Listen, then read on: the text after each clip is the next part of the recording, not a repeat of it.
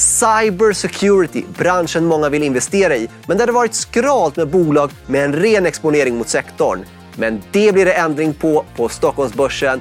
För via Bure SPAC har det kommit in ett cybersecurity-bolag som heter Yubico. Och de har tagit med sig sin VD till Sparpodden. Han är nu här. Jag säger Mattias Danielsson, varmt välkommen hit. Tack så mycket Ara. Eh, Bure SPAC är i princip ett sätt att köpa er just nu. Ja, eh, precis. Det sattes ju upp som ett tomt bolag med kassa med en ambition om att förvärva ett intressant teknikbolag. Och så att typ är ni eh, noterade nu men... Ja, alltså det är så. Ja. Vi har ju ett, ett, ett, bindande kontrakt med att göra den här affären som nu måste självklart underställas aktieägarna eh, den 20 juni. Men, eh, men alla, alla villkor är alltid klart så att om du köper ACQ Bure idag så köper du indirekt in dig i Ubico för allt. Allt är ju redan och klart. Så då gör vi så här, eftersom alla inte har koll på er eh, och det, vi ska ha koll på att ni har cybersecurity, men så konkret vad det är ni gör. Så om du ger oss en hisspitch på vad Yubico är för bolag? Vi erbjuder den högsta säkerheten för flerfaktorsautentisering. Och det handlar om att du ska kunna få dina inloggningsdetaljer komprometterade. Att någon får obehörig access till dina konton eller system eller till bolagshemligheter. Och det gör vi genom att sälja en hårdvara, Yubikin, eh, som du har framför dig där. Eh, mycket glad för det. Eh, och det här är då någonting som idag framförallt används av stora företag, eh, särskilt i USA. Eh, för det erbjuder den absolut högsta säkerheten för eh, autentisering. Eh, icke-hackad, ohackad ska jag säga, tills idag. Och, men vi har också så att du även som privatperson om du känner att du inte vill riskera att få ditt Gmail-konto, Facebook-konto hackat, då kan du även köpa det online idag. Men så bara man bara förklara hur det här funkar. Ja. Eh, du eh, loggar in med den här. Nej, men så här är det. Vår främsta konkurrent, det är ju, om man ska vara, ta det verkligen brett, det är ju att den största delen av inloggningen sker fortfarande genom användarnamn och lösenord. Och användarnamn och identitet lösenord är någonting du känner till då som du autentiserar dig. Och så fort du lägger på ytterligare ett lager av autentisering, någonting du har eller är, ja, det är klart då höjer du säkerheten. Och eh, under flera år så har det varit populärt att man har sms-lösningar där man skickar ut engångskoder eller att man har olika appar. Och det är självklart mycket säkrare än användaren lösenord. Men även de mjukvarubaserade lösningarna och de här eh, sms-lösningarna hackas nu i stor skala. Så om du ska ha riktigt hög säkerhet då ska du ha hårdvarubaserad autentisering eh, och det erbjuder vår, vår har, tycker vi, den unika kombinationen att det erbjuder högsta säkerhet och väldigt användarvänligt. Det är lätt att använda det. Eh, och de här, eh, okej okay, så att bara för den som inte har använt det här tidigare. Ja. Man stoppar in den här USB-stickan. Ja. Om du sitter vid en dator, ja. Om jag sitter vid en dator. Mm. Och sen så fingeravtryck? Ja, vi har två versioner. Grundversionen är bara att du behöver lägga finger på den så man visar att det är en människa närvarande ja. på den. Vi har också en där eh, en faktor av autentisering är att du måste ha ditt fingeravtryck på den. Det är vår eh, YubiKey Bio som vi kallar det för. Men grundversionen, där är det bara det faktum att det ska vara en användare närvarande. Så du kombinerar den normalt sett med pinkod eller med ett lösenord. Då, någonting du kan och någonting du har. Och det här är då säkrare än eh, sms-autentisering och sånt där? Ja, det är det. Alltså, man, du kan köpa hackerkit för att hacka de största, många av de kända mjukvarulösningarna på internet idag. Det ska man ju inte göra förstås, men, men, men det går att hacka. Men, men, men vår har då den trevliga egenskapen att du implementerar den på rätt sätt så är det ohackat. Det är så att den har inte brutits. Och det är väldigt viktigt för att när man läser om Malmö-hacken, man gör undersökningar som kommer fram till att uppåt 90 procent av dem, eller mer än 90 procent till och med, ha, där är komprometterade inloggningsuppgifter en central del. Så det är ett väldigt säkert sätt att skydda sig mot alla olika typer av cyberattacker. Det är klart att om du får någon som gör en denial of service-attack på dina servrar. Det hjälper inte att alla dina anställda har en YubiKey. Men just det här att du inte får intrång i systemet. För det är när man får intrång och loggar in obehörigen i system, det är då man kan göra en massa, skapa en massa oreda och, och orsaka skada. Och samtidigt så vet jag ju att uh, det här är en bransch som många har pratat om ganska länge. Mm. Där är liksom, uh, hur länge som helst har man pratat om cybersecurity och det har varit lite svårt att få en pure play. Det har varit, eh, i alla fall i fonder som investerar i cybersecurity, så har det funnits mycket Apple, eh, Google och få. Eh, märker ni av något större intresse för att just hitta pure play på cybersecurity? Alltså vi, vi har ju en, en nästan löjligt eh, renodlad verksamhet. Vi har aldrig förvärvat något bolag, allt varit organisk tillväxt. All vår försäljning centrerar kring vår centrala produkt som är Yubikin. Då, då.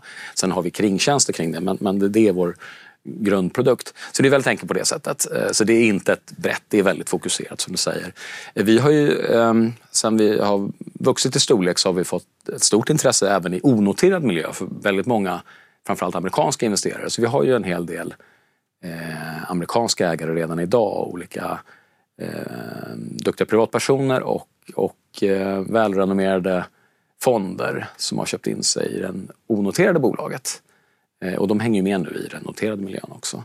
Eh, men det är, det är ett bransch, eller ett hett segment kan jag väl säga. Och, och det är många olika lösningar och det är ibland svårt att sortera mellan alla olika. Vi, på det sättet är vi ganska enkla att förstå. Det är ganska tydligt vad vi håller på med och vilken lösning vi erbjuder i alla fall. Och på tal om ägare så, för att vara tydlig, även om ni förvärvas av, eh, eller gör om ett förvärv på Buresbacken, mm. så är ju faktiskt också Bure sedan tidigare en av era ägare.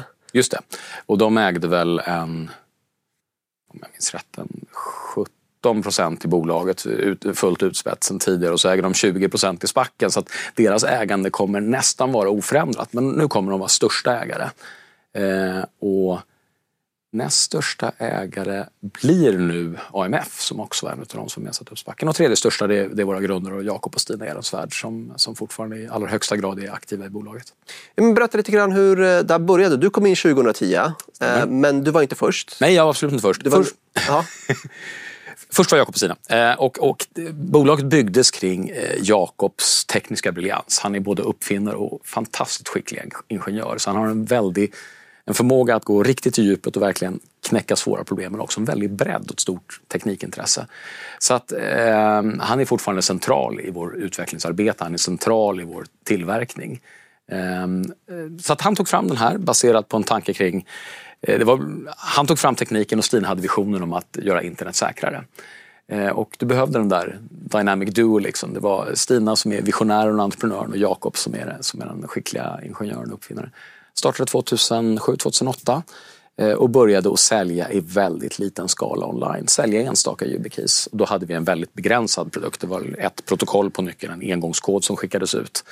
Men det där det växte, väckte visst intresse hos folk med eh, cybersecurity-kunskap. Så att vi sålde, eller Yubico sålde då från 2008 eh, lite nycklar online och skeppade det till olika ställen i världen. Och det i sin tur ledde då när de här eh, säkerhetsintresserade personerna väl fick sina nycklar och tyckte att det här var bra, att de introducerade det för sina företag och organisationer som ofta var knutna till. Så så fick vi vår första försäljning med eh, eh jag tror den första lite större kunden var Agfa i Tyskland.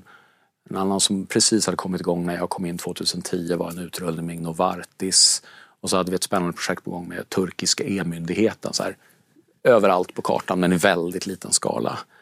Eh, och så växte det på lite grann. Men det som gjorde verkligen att bolaget lyfte, det var när en av de här teknikintresserade herrarna jobbade, eh, som hade köpt en nyckel, jobbade på Google. Eh, han jobbade på Google i, i DC.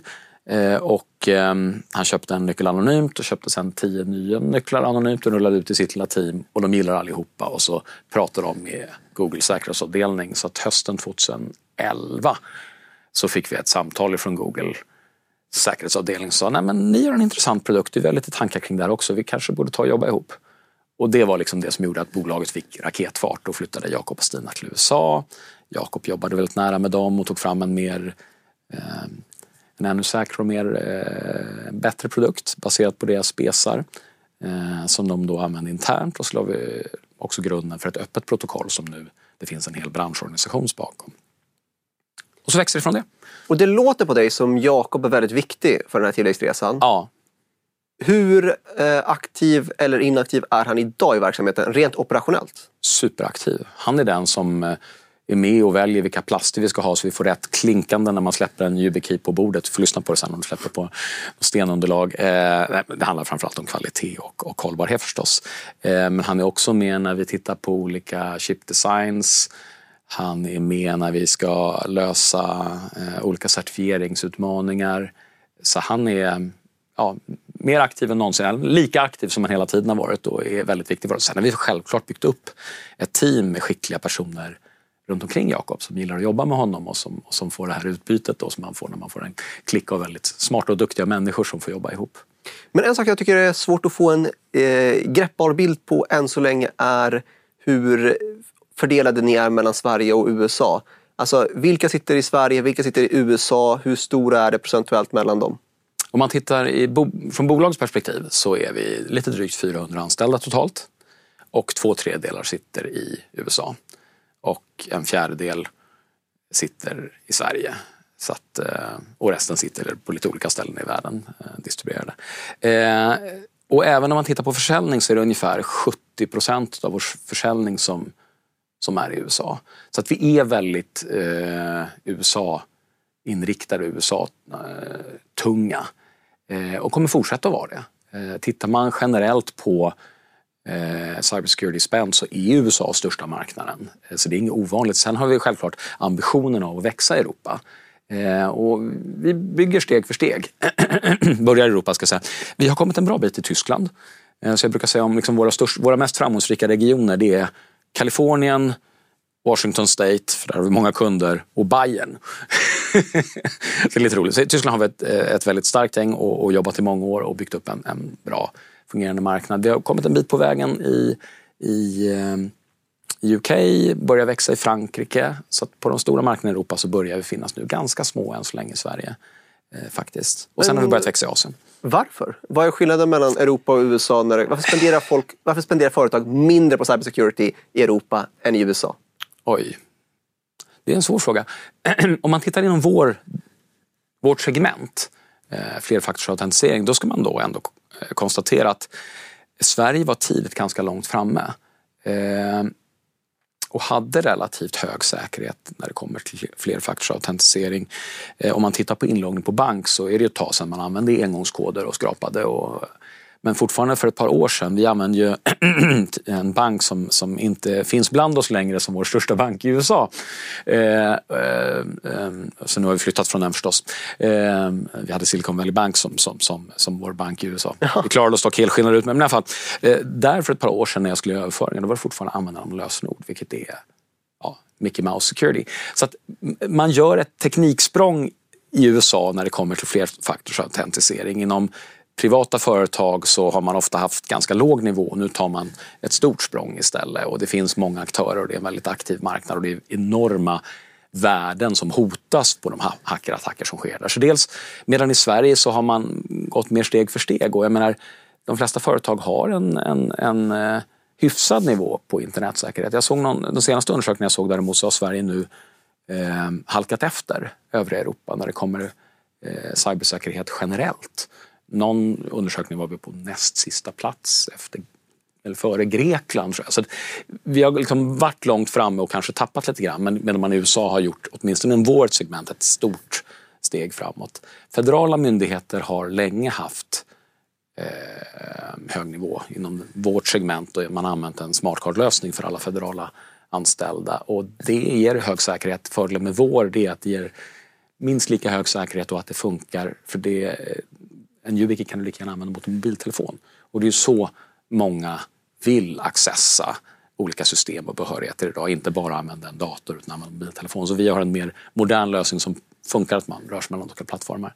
Så att det har skett stora, för att komma tillbaka till din fråga, ligger vi har halkat efter lite grann i Sverige tror jag generellt men vi började på en ganska hög nivå. Nu eh, har ju Jakob och Stina nyligen flyttat till Sverige och Stina brinner för att vara en del av att lyfta kunskapsnivån och även faktisk säkerhet i Sverige och i Norden. Så att jag, jag hoppas på att vi kan göra ett litet bidrag där också. Ja, eh, och om vi kikar på eh, historia lite grann. 2018 så kom, eh, släppte ni fem viktiga produkter, YubiKeys, eh, ni hade väl det tidigare men Eh, som jag, I båda presentationen så uppfattade jag det som att det var viktiga lanseringar ni gjorde 2018. Ja, då var, om det var 2018 eller 2017. eh, eh, det var kanske tidigt 2018. Då lanserade vi vår senaste version av firmware, vi kallar det för YubiKey 5. Det var en viktig uppdatering för oss internt. Eh, om man tittar på det så är för, för kund, användarna och kunderna så är det ofta viktigt, okej okay, vad kan man göra med vår YubiKey? Och det ligger ju i namnet att det är en nyckel. Det handlar om en nyckel och det måste alltid finnas ett lås på andra sidan och där är tricket att vi ska se till att vi har en nyckel som man kan anpassa så att den passar i så många lås som möjligt. Och en viktig del av det vi släppte 2018 det var att vi lanserade stöd för fler protokoll.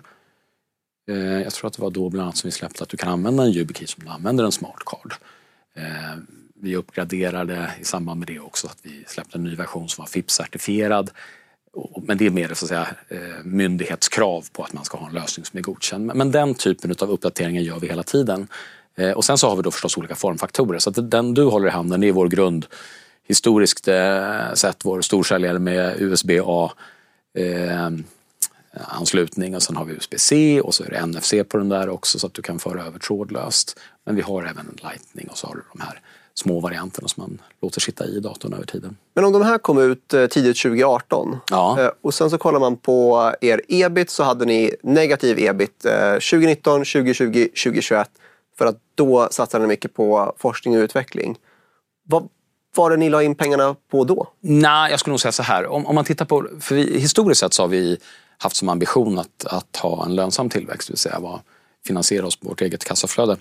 Eh, vi hade en period där eh, med start 2018-2019 då vi gjorde två typer av investeringar som faktiskt inte hade så mycket på tekniksidan att göra. Eh, eller utvecklingssidan. Dels så ehm, byggde vi upp ganska snabbt en, en större säljorganisation. Vi tidigare hade klassiskt svenskt produktbolag. Produkten är så bra så den säljer sig själv. Och det funkade faktiskt mot många techbolag för de ville bara träffa ingenjörer och man behövde inga säljare för det.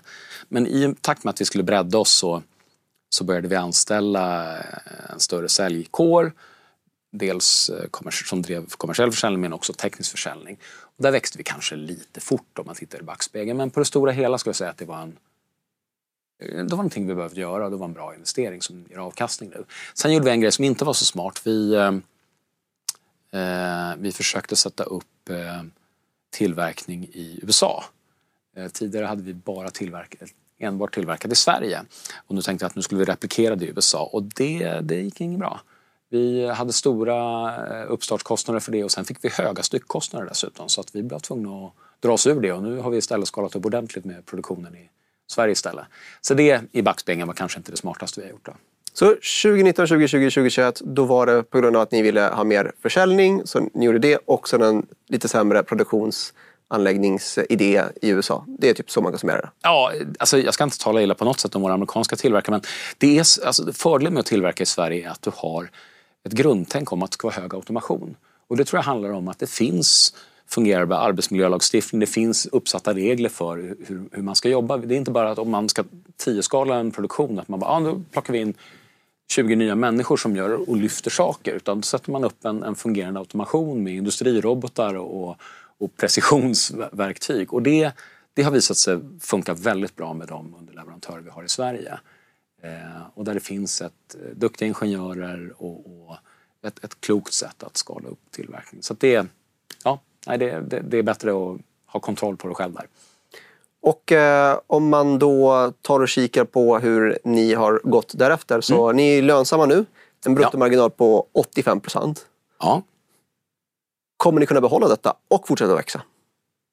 Ja, när det kommer till bruttomarginal, det var lite lustigt det där. Ehm, eh, jag gick på Handels en gång för länge sedan och när jag började prata med Stina när jag kom in, eller innan jag började till och med på på Ubic och så någon gång 2009 så hade hon en Excel-modell för det. Och då hade hon att vi hade, tror det var 70 procents bruttomarginal. Och sa nej, nej, nej, det där kommer aldrig funka. Vi kommer ha en sjunkande bruttomarginal över tiden. Men hon var väldigt bestämd. Nej, så ska det inte vara. Och hon hade rätt. Vi har faktiskt haft en, en tilltagande bruttomarginal över tiden. Och det handlar i grunden om att vi har mycket större funktionalitet och mycket mer vi säljer en bättre produkt eh, samtidigt som vi har kunnat hålla bra kontroll på våra tillverkningskostnader. Eh, Sen är det så här att det, när vi tittar på vår bruttomarginal, det vi inkluderar då det är ju fysiska tillverkningen och frakt. Eh, den stora, alltså 90 procent av våra ingenjörer jobbar ju på mjukvarusidan. Och där har du ju ingen direkt, ingen direkt till, tillverkningskostnad utan den kommer ju längre ner i resultaträkningen, våra personalkostnader för utveckling och, underhåll av mjukvara. Men jag tror nog att den där eh, marginalen ska vi, jag tror vi har sagt att vi ska, den ska ligga norr om 80 procent i alla fall. Norr om 80 procent. Mm. Nu tar vi lite grann om konkurrens. Vi har fått en fråga från Andreas. Mm. Eh, tittarfrågor är alltid önskvärda. Jag heter Nordnet Ara på Twitter. Där brukar jag eh, samla in era tittarfrågor. Eh, Hur ska de stå sig i konkurrensen nu när jättar ger sig in i Yubico? Ah, eh, Ubicos tidigare stora kund Google säljer numera egna keys som dessutom har ett klart lägre pris. Mm. Först och främst, stämmer det? Och om det stämmer, är det inte ett jätteproblem om Google gör billigare? Ja, jag tror inte det är ett jätteproblem. Eh, Google har som, som, som bekant då lanserat, eh, baserat på det öppna protokollet, eh, så inte alla de protokoll du har på en YubiKey, men en, en delvis konkurrerande produkt eh, som de tidigare fall har kontraktstillverkat i Asien. Ehm, men, men skillnaden där eh, är väl att mig veterligen så har den bara det här öppna protokollet, eh, Web WebAuthn eller Passkeys då på, på sig. Och det är väl inte ett, ett eh, fullödigt erbjudande i en normal Enterprise-miljö. Utan där har man liksom en uppsjö av system. Så att det är inte så att eh, Google själv har en väldigt effektiv och nyetablerad IT-infrastruktur. Ett traditionellt företag kommer ofta, olika företag har vuxit fram över tiden, har en uppsjö av olika system som man måste kunna logga in på. Och där räcker det normalt sett inte med den här enprotokollsprodukten utan då behöver du någonting då behöver du vår produkt som då kan logga in som om du gör på ett smart card, du kan ha one time password, du kan använda öppna protokoll, du kan använda på alla möjliga olika sätt för det är integrerat redan i dem. Eller det är förberett och det finns systemstöd för dem i alla de här miljöerna. Så jag tror att i, ett företags, för, en, för ett företag så är nog inte det så mycket av ett problem för oss. I förhållande till konkurrent, eh, i förhållande till privatpersoner, vi tycker det är bra att eh, folk eh, säkrar upp sin online-tillvaro och finns det inga konkurrenter finns det ingen marknad. Eh, så vi tycker att det är alldeles utmärkt att, att det finns konkurrenter inom det här öppna protokollet och att det gör att konsumenter är säkrare. Vi, har väl inte, vi ser inte jättemycket av dem i våra affärer faktiskt. Men det låter ju som att det är ändå en konkurrens men på privatpersonsidan. Ja, men så här, vi, som jag nämnde, vi, vi jobbade tidigt med Google och, och var med och tillsammans med dem och andra företag tog fram den här öppna standarden där Jakob var helt, helt avgörande. Ehm, eh, och eh, det är en öppen standard så då finns det helt klart konkurrenter. Eh, Google har då en kontraktstillverkare i Asien som, som tillverkar en nyckel. Det är möjligt att de håller på att förändra det nu. Eh, och sen så finns det andra väldigt välansedda bolag som jag har hög respekt för som också lanserar produkter med det här öppna protokollet. Man ska inte tala om konkurrenter men det, det finns många som jag, som, jag, som jag verkligen håller högt och tycker det är alldeles utmärkt att de också marknadsför produkter inom här protokollet. Sen finns det en del lågkostnadsproducenter från Asien som jag kanske inte är, riktigt lika entusiastisk kring eh, och där man kan fundera på hur klokt det är att köpa sina säkerhetslösningar från Kina och sådär. Vi på Nordnet inleder ett nytt samarbete med Börsdata. En tjänst som är supersmidig för att hitta olika aktier baserat på till exempel nyckeltal eller aktiestrategier. Och det här är en tjänst som jag själv använder väldigt flitigt för att hitta aktier. Och detta erbjudande går till dig som är Nordnet Private Banking-kund eller Active Trading-kund. Då får du gratis 6 månader prövperiod på Börsdata om du inte varit kund där sedan tidigare. Men om du skulle varit kund där sedan tidigare eller efter prövperioden så får du istället 25% rabatt på tjänsten. Och du kanske tänker, men jag är inte Nordnet Private Banking-kund, kan jag bli det? Absolut, allt du behöver är 2,5 miljoner kronor i samlat kapital hos oss på Nordnet. Och ett sätt att underlätta det är faktiskt att flytta sin tjänstepension till Nordnet. Då brukar det bli mycket lättare. Och med de orden säger vi tillbaks till intervjun. Om jag som inte kan alla detaljer om teknik och eh, så, vad är eh, eran USP mot era konkurrenter som ska in på samma marknad egentligen? Som gör att jag kan känna att okej, okay, det finns saker och ting YubiKey och Yubico som bolag har som inte konkurrenterna har, som ger dem en konkurrensfördel. Eh, om man tittar rent praktiskt så handlar det nog mycket om det här att du har flera protokoll, massor med integrationer, förberedda steg för att implementera det i en företagsmiljö. Och det, det är en stor konkurrensfördel. Och det är klart att folk kan investera över åren och, och bygga en liknande position. Det trevliga där är att vi har fått, kommit till ett läge där vi upptäcker hela tiden att, att nya aktörer och system bygger in stöd för YubiKeys. Nu kan du logga in i vårt system med hjälp av YubiKeys och det tycker vi är jätteroligt. Vi har liksom byggt en eh, viss kännedom om oss vilket gör att folk tycker att, att det här är någonting som man vill bygga stöd för i sina system. Så, att, så att där har vi en konkurrensfördel. Sen finns det på den mer fundamentala sidan, vi har en produkt med högsta säkerhet. Vi har jobbat nu med det här i 15 år. Vi har byggt upp en eh, Eh, med ett mycket klokt tänk från, från vår tekniksida kring Zero Trust. Det vill säga vi har byggt upp en miljö där det är väldigt, om du är djupt tekniskt kunnig så kan du se, okej okay, vad är det för någonting som Yubico tillhandahåller? Känner jag mig trygg i att det inte finns några bakdörrar i det här? Känner jag mig trygg i att jag får en produkt där inte någon har lagt på någonting som inte ska finnas på produkten. Känner mig trygg att det här har tillverkats i en miljö där, de, där Yubic har kontroll på det. Och det, det tror jag att kunden upplever. Så att vi har byggt upp ett renommé för att ta säkerhet på största allvar, tillverka med eh, solida partners på ställen där vi själva har kontroll och där vi har en eh, infrastruktur som, som ger bra förutsättningar för att du verkligen köper en säker produkt. Och om man eh, går, tar det här vidare då. Det finns ingenting ni har i pipelinen som gör att du tror att ni i framtiden kommer ha ett eh, försprång rent tekniskt? Absolut, jag skulle säga att vi har ett försprång idag. Och, och, och vårt, eh, orsaken till att vi har vad är det, 130 stycken ingenjörer som jobbar på utveckling hos oss, det är ju för att vi vill kunna fortsätta att ligga i framkant och utveckla. Vi måste ju dels se till det vi pratade om, att det finns stöd så att man kan använda det i alla olika miljöer och det är självklart ett visst arbete. Men sen måste vi också ligga i framkant när vi tittar på, okej, okay, nu kommer det nya säkerhetsprotokoll, hur ser vi till att vi, att vi har stöd för det? Nu är det ny eh, teknik som kommer, hur ser vi till att vi anpassar vår produkt till det? Och vi lanserar även nya produkter. Den mest senaste är ju den som vi pratar om, jag kommer inte ihåg vad du och jag som gjorde innan vi körde igång. Ja. Det här med att normalt sett så räcker det med att du har ett fingeravtryck för att du ska autentisera med hjälp av YubiKey. Vi har ju även en, en, en eh, bionyckel, det vill säga där det är ditt fingeravtryck bara som låser upp nyckeln. Eh, YubiKey Bio kallar vi den och det är ju vår senaste lanserade hårdvara som vi tror funkar väldigt bra för vissa typer av miljöer. Så att just det här att hela tiden kunna lansera nya produkter som gör att vi kan använda oss av fler miljöer med högsta säkerhet, det är det vi lägger våra resurser på. Men om vi bläddrar från hårdvara till mjukvara ja. så kommer en tittarfråga nu från en som gästade eh, oss för två, tre veckor sedan. Johan Roslund. Han var dock positiv till Ubico ska sägas Naturligt. också. Ja. Men här kommer frågan. Eh, beskriv gärna potentialen av mjukvaran som kan kopplas till produkterna i framtiden. Finns även potential till SaaS-intäkter. Idag är väl prenumerationen främst eh, tre års hårdvaruleasing. Ja, eh, om vi, om vi tar ett steg tillbaka. Då. Ja. Historiskt sett det vi har gjort är att vi har sålt YubiKeys i bulk. Liksom. När vi har sålt till företag fram till 2019. Då levererade jag, vill ni ha 10 000 YubiKeys? Ja, då ställer vi det på er lastkaj. Eh, och, och sen dess har vi då utvecklat affärsmodellen grann. Dels precis innan pandemin så lanserade vi en leveranstjänst, vilket var väldigt tur för då började alla jobba hemifrån och då var det viktigt att vi kunde faktiskt hjälpa våra kunder att få ut hårdvaran till slutanvändarna som de flesta jobbade hemifrån då. Eh, så det var viktigt att vi lyckades med. Eh, för det är ofta en invändning mot att rulla ut en hårdvarulösning att det är svårt att få ut det till användaren. Det är mycket lättare att trycka ut mjukvara.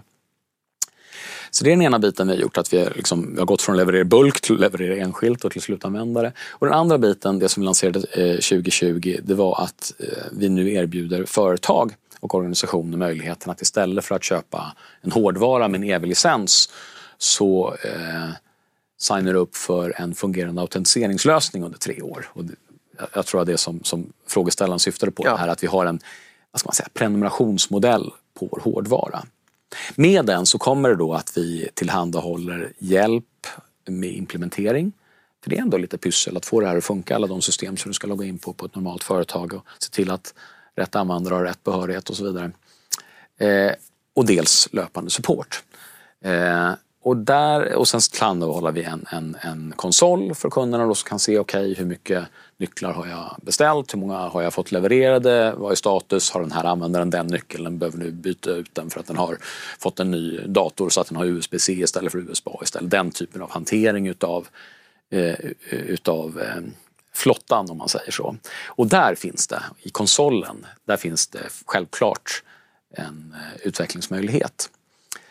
När vi tittar på de här integrationerna vi pratar om, det är ju dels att folk gör proaktiv integration men också att vi tillhandahåller API och mjukvara så att det ska funka i system. Jag skulle nog inte säga att det är där som intäktsmöjligheterna ligger för vi vill ju verkligen kunna love all, serve all, att det ska funka i många system.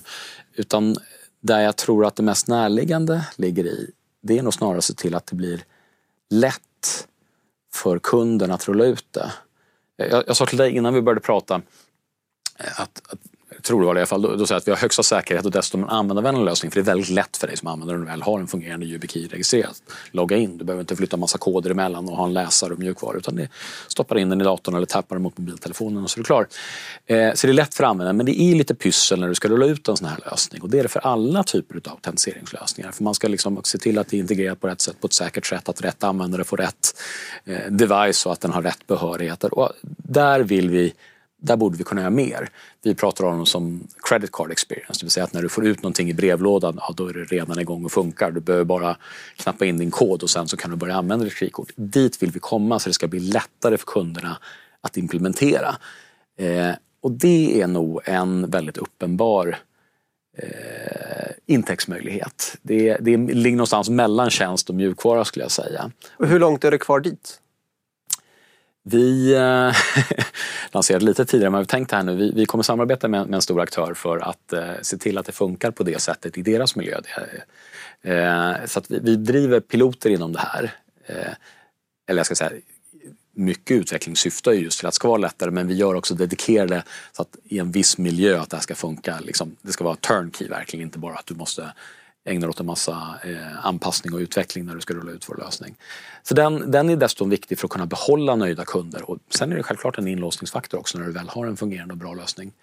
Så den skulle jag peka på som en av de närmsta. Sen så finns det helt andra typer av intäkter. Vi får ju mycket förfrågningar ifrån närliggande aktörer som vill licensiera delar av vår teknik eller titta på andra användarcase. Eh, utmaningen med det är att Eh, ett uppenbart sånt är att vi har fått förfrågningar från en del biltillverkare om att man ska använda det här för att säkra upp så att inte, istället för en vanlig bilnyckel. Om man dock ger sig in i en sån bransch så är det en hel verksamhet i sig själv. Då ska man ha koll på alla standarder och alla förändringar där. Så den, då ska vi hitta ett väldigt klart case för det. Eh, vi har ju en annan produkt som, som är på servicesidan. Istället för eh, inloggningssäkerhet så har du att du skyddar eh, hemligheter som du har på dina servrar Hardware Security Model, HSM. Den ser likadan ut. Det är en väldigt liten del av försäljningen idag men det är ganska spännande för där händer det mycket. Eh, och där har vi en unik produkt som är väldigt lågkostnad i det fallet i förhållande till den traditionella lösningen. Men bara för att backa ja. någon sekund. Du sa att biltillverkare ja. har kontaktat er. Ja. Och då har ni inte en produkt för dem? Vi har inte en produkt för dem. Så det, idag kan du inte starta din Volvo Men med... ni vill ha en sån? Jag vet inte, vi får försöka hitta var vi ska lägga gränssnittet där om vad vi ska göra och vad de ska göra. Tekniken finns där men det finns, the devil is in the detail. Eh, jag pratade lite fritt här nu om nya intäktsmöjligheter. Vi har noll kronor intäkter från det idag. Men det, det vill vara snarare för att peka på att det finns en del närliggande användningsområden. Fysisk säkerhet generellt är ett annat spännande område. Om du går in på vårt eh, Ubicos kontor i Stockholm idag, ja då går du in genom att jag tappar nyckeln mot vår läsare det också funkar alldeles utmärkt och det är högsta säkerhet. Men jag har fått lära mig då att när det kommer till fysisk säkerhet så finns det en hel uppsjö av saker som man måste ta hänsyn till så att man inte, kunden står där och inte kommer in en dag. så att man får all anpassning att funka bra. Eh, men det finns närliggande branscher man skulle kunna växa in. Men jag tror att det mest uppenbara är att gräva där vi står. Det vill säga jobba med vår konsol, se till att göra utrullning och hantering lättare. Det är nog där mest närliggande intäktsmöjligheterna ligger. En till tittarfråga från AGK Invest.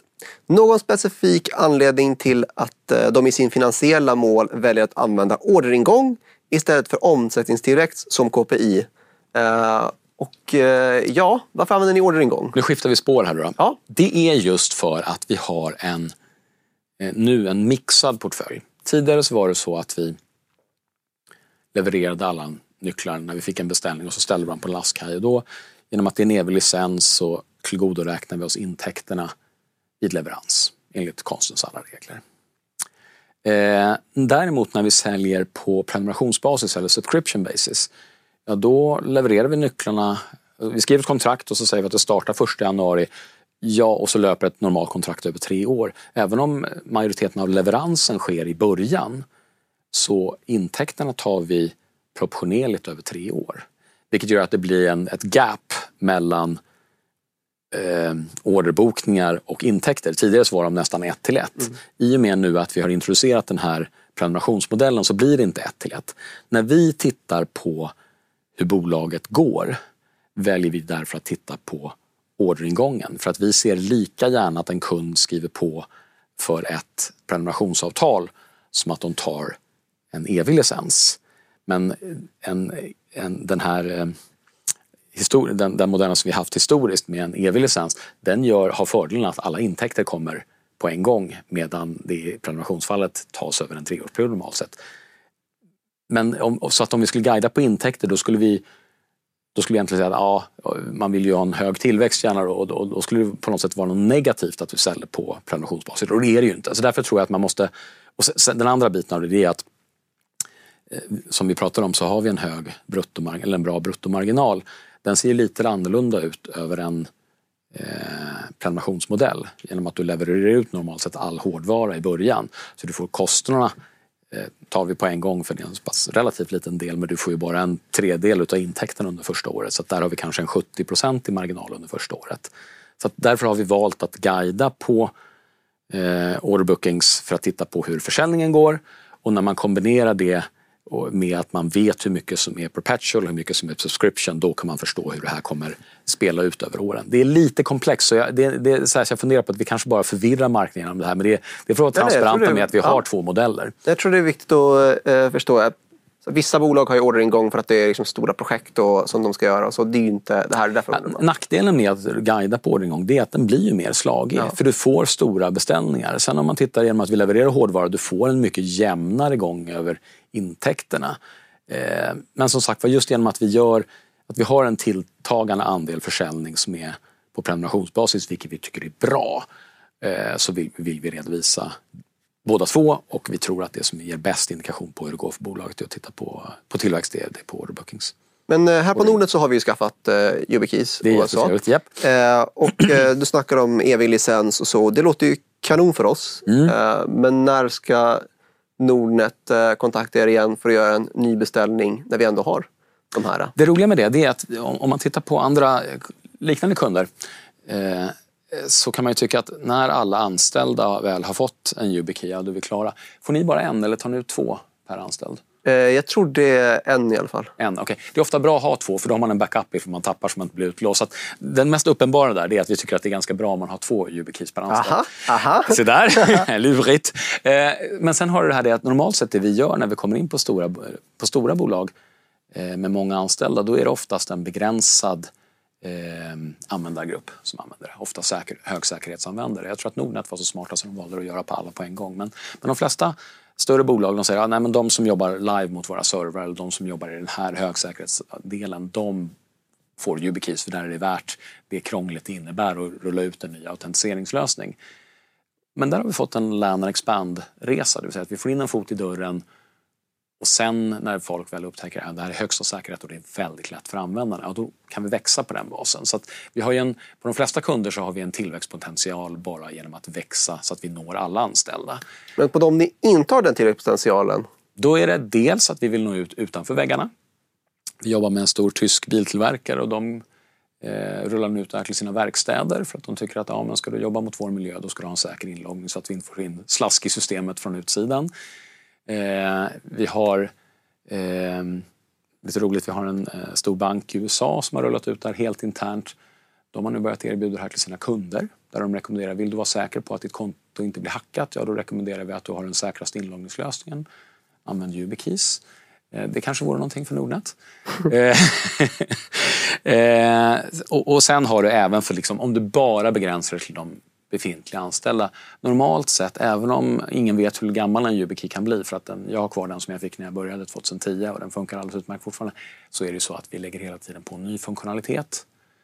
Och ofta, eh, för många av våra amerikanska kunder framförallt, så handlar det om att ja, nu har vi en ny version som uppnår den senaste certifieringsstandarden. Och då blir det naturligt att byta ut. Så att normalt sett ser vi en... Eh, dels så har du eh, vad man kallar för churn, personalomsättning heter det på svenska. Eh, så att du får naturligt sett kanske en 15-20 procent återköp per år genom det för att folk tappar bort eller börjar och slutar. Och sen så har du det här att ah, men nu har vi ny funktionalitet. Och när du väl, på gott och ont, när du väl har skickat ut en YubiKey då kan du inte påverka den. Så det betyder att ska du ha en ny version, ja då måste du köpa en ny nyckel. Du kan inte bara ladda ner någonting. Eh, och då är en uppenbar. Och på tal om att Nordnet skulle kunna föra över detta till sina kunder. Mm. För i dagsläget så loggar folk in på sitt konto med mobilt bank-id. Ja. Hur säkert är mobilt BankID jämfört med er? Nu får jag passa mig här för nu går jag in på minerad marknad. Ja. Min bild är att mobilt bank-id är en alldeles utmärkt lösning. Eh, den erbjuder inte riktigt samma höga säkerhet som vår. Jag tror att vi har folk hos oss som kan hacka den om de jobbar på enskilda användare. Har jag fått höra. Så, att, det är liksom, men det är, en, det är en hög säkerhet. Det finns väl andra utmaningar med mobilt bank-id. Det är att man gör samma procedur om man får över två kronor som om, om, man, om man skickar 15 kronor till, för kaffet som om man ska föra över en miljon från ett Nordnet-konto. Det, det kanske inte är helt optimalt ur en användarupplevelse. Och sen så, som jag har förstått det, så ser kostnadsbilden lite speciell ut där. Eh, jag tror nog att det skulle kunna vara ett bra att ha fler alternativ för inloggning. För ibland så ligger olika inloggningslösningar nere. Eh, då kan det vara bra att ha en, ha en backup. Eh, och jag tror som sagt var att ska du ha Ska du ha högsta nivå av säkerhet, då ska du ha en hårdvarubaserad lösning. Och det är inte bara vi som säger det, utan det säger även ja, kunder, och experter och amerikanska myndigheter. Eh, jag tänkte att vi fortsätter med eh, en till fråga. Eh, hur ser Yubico på Web Authenticity? jag vet inte hur jag ska uttala det. Mm. Ja, WebAuthn, sorry. framtidens standard för autentisering på webben? Frågetecken. Vi tycker att det är fantastiskt och det är ju det protokollet som Jakob var med och tog fram en gång i tiden som nu har utvecklats och som är fortfarande en aktiv del av den här branschorganisationen Fire Alliance. Vi tycker att det är ett alldeles utmärkt sätt eh, att, det är den moderna inloggningslösningen och som är väldigt vällämpad för, för hur vi använder internet idag. Och det är vi en av de som backar. Och det är den här öppna standarden som vi pratade om. Där vi har konkurrenter rakt på. Eh, en del väldigt bra, en del kanske inte riktigt lika bra. Men när du säger bra, menar mm. du bra för oss vanliga människor? Ja. Eller menar du för det för Ubico? Bra för användare. ja. Och eh, hur stor fara är det här för er som bolag? det är både en, en eh, alltså i grunden som sagt var Jakob och Stina startade de gjorde det med en mission om att internet skulle bli säkrare och det skulle bli säkrare för alla. Så att det finns andra som driver det här, det är ju i grunden någonting positivt för världen som helhet. Vår erfarenhet är att det som är bra för internetsäkerhet generellt är bra för oss. Om, så jag, om jag som investerare inte bryr mig om de goda värdena utan Nej, bara tittar på de här? Då är det ofta så att okay, men WebAuthn det är det moderna eh, protokollet för, för säker inloggning. Och när man väl har börjat använda det så ser man att ja, det här är jättebra och det här vill jag använda på mitt företag. Men det räcker inte. För att idag har du 3000 andra system och några har smartcard-inloggningar och några har one-time password. Då behöver du en bredare lösning. Aha! YubiKey är en bra lösning för de har en multi-protocol key som gör att du kan använda det här öppna protokollet för alla de ställen du kan använda det och så har du andra protokoll som du använder i din interna, eh, säkerhet, interna företagsmiljö. Du kanske har nämnt det men du, då om jag summerar det så mm. låter det som att eran stora, stora, stora upps mot allt annat är att det här är en helhetslösning som funkar lite överallt. Och det är därför de här eh, mer specifika inte funkar lika brett. Ja, alltså, jag skulle nog säga två grejer. Den ena är den precis du säger, att här har du en nyckel som är lite som en schweizisk armékniv. Den passar i alla lås. Inte riktigt, men väldigt många relevanta. Och det är sällan som, som vi inte kan få det att funka i en, en företagsmiljö. Så det är den ena biten. Och den andra biten handlar ju själva grunden för hela hög säkerhet. På alla nivåer. Vi har säkra protokoll, vi har säker tillverkning, vi har ett renommé av att vi, vi är väldigt tydliga med om det finns något säkerhetsproblem med något protokoll eller med någon applikation, att vi går ut och informerar om det och då i sådana fall byter ut produkter. Eh, så, att, så säkerheten är ju ändå grunden, men då att du dessutom kan använda den i de miljöer som, som är relevanta, det, det är vår USP.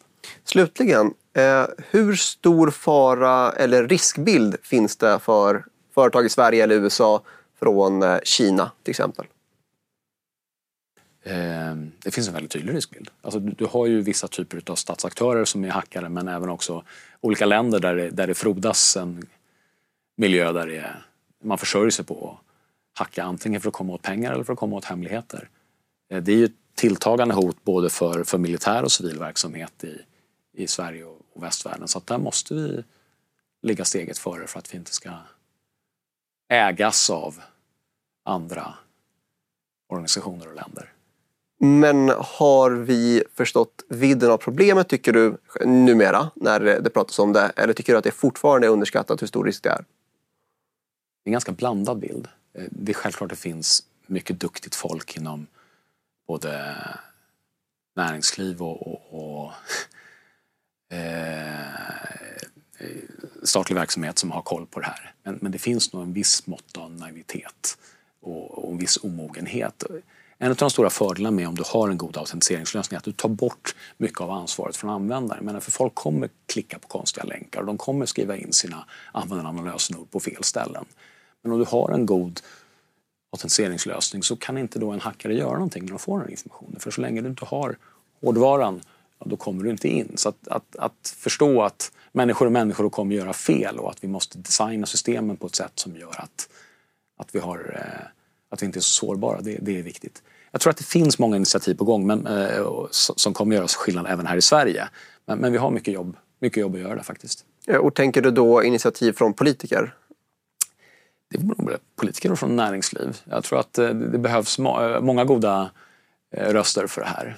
Jag tror att du kommer se mycket mer av min, min kära kollega Stina i de här sammanhangen i Sverige framöver. Hon har ju byggt upp lite av ett namn och position i USA på att hon har varit väldigt tydlig med det här och vi har kunnat påverka hur, hur olika direktiv har utformats från Vita huset. Det har haft en väldigt positiv kraft upplever jag på IT-säkerhets eller på, eh, ja, på cybersecurity i, i USA.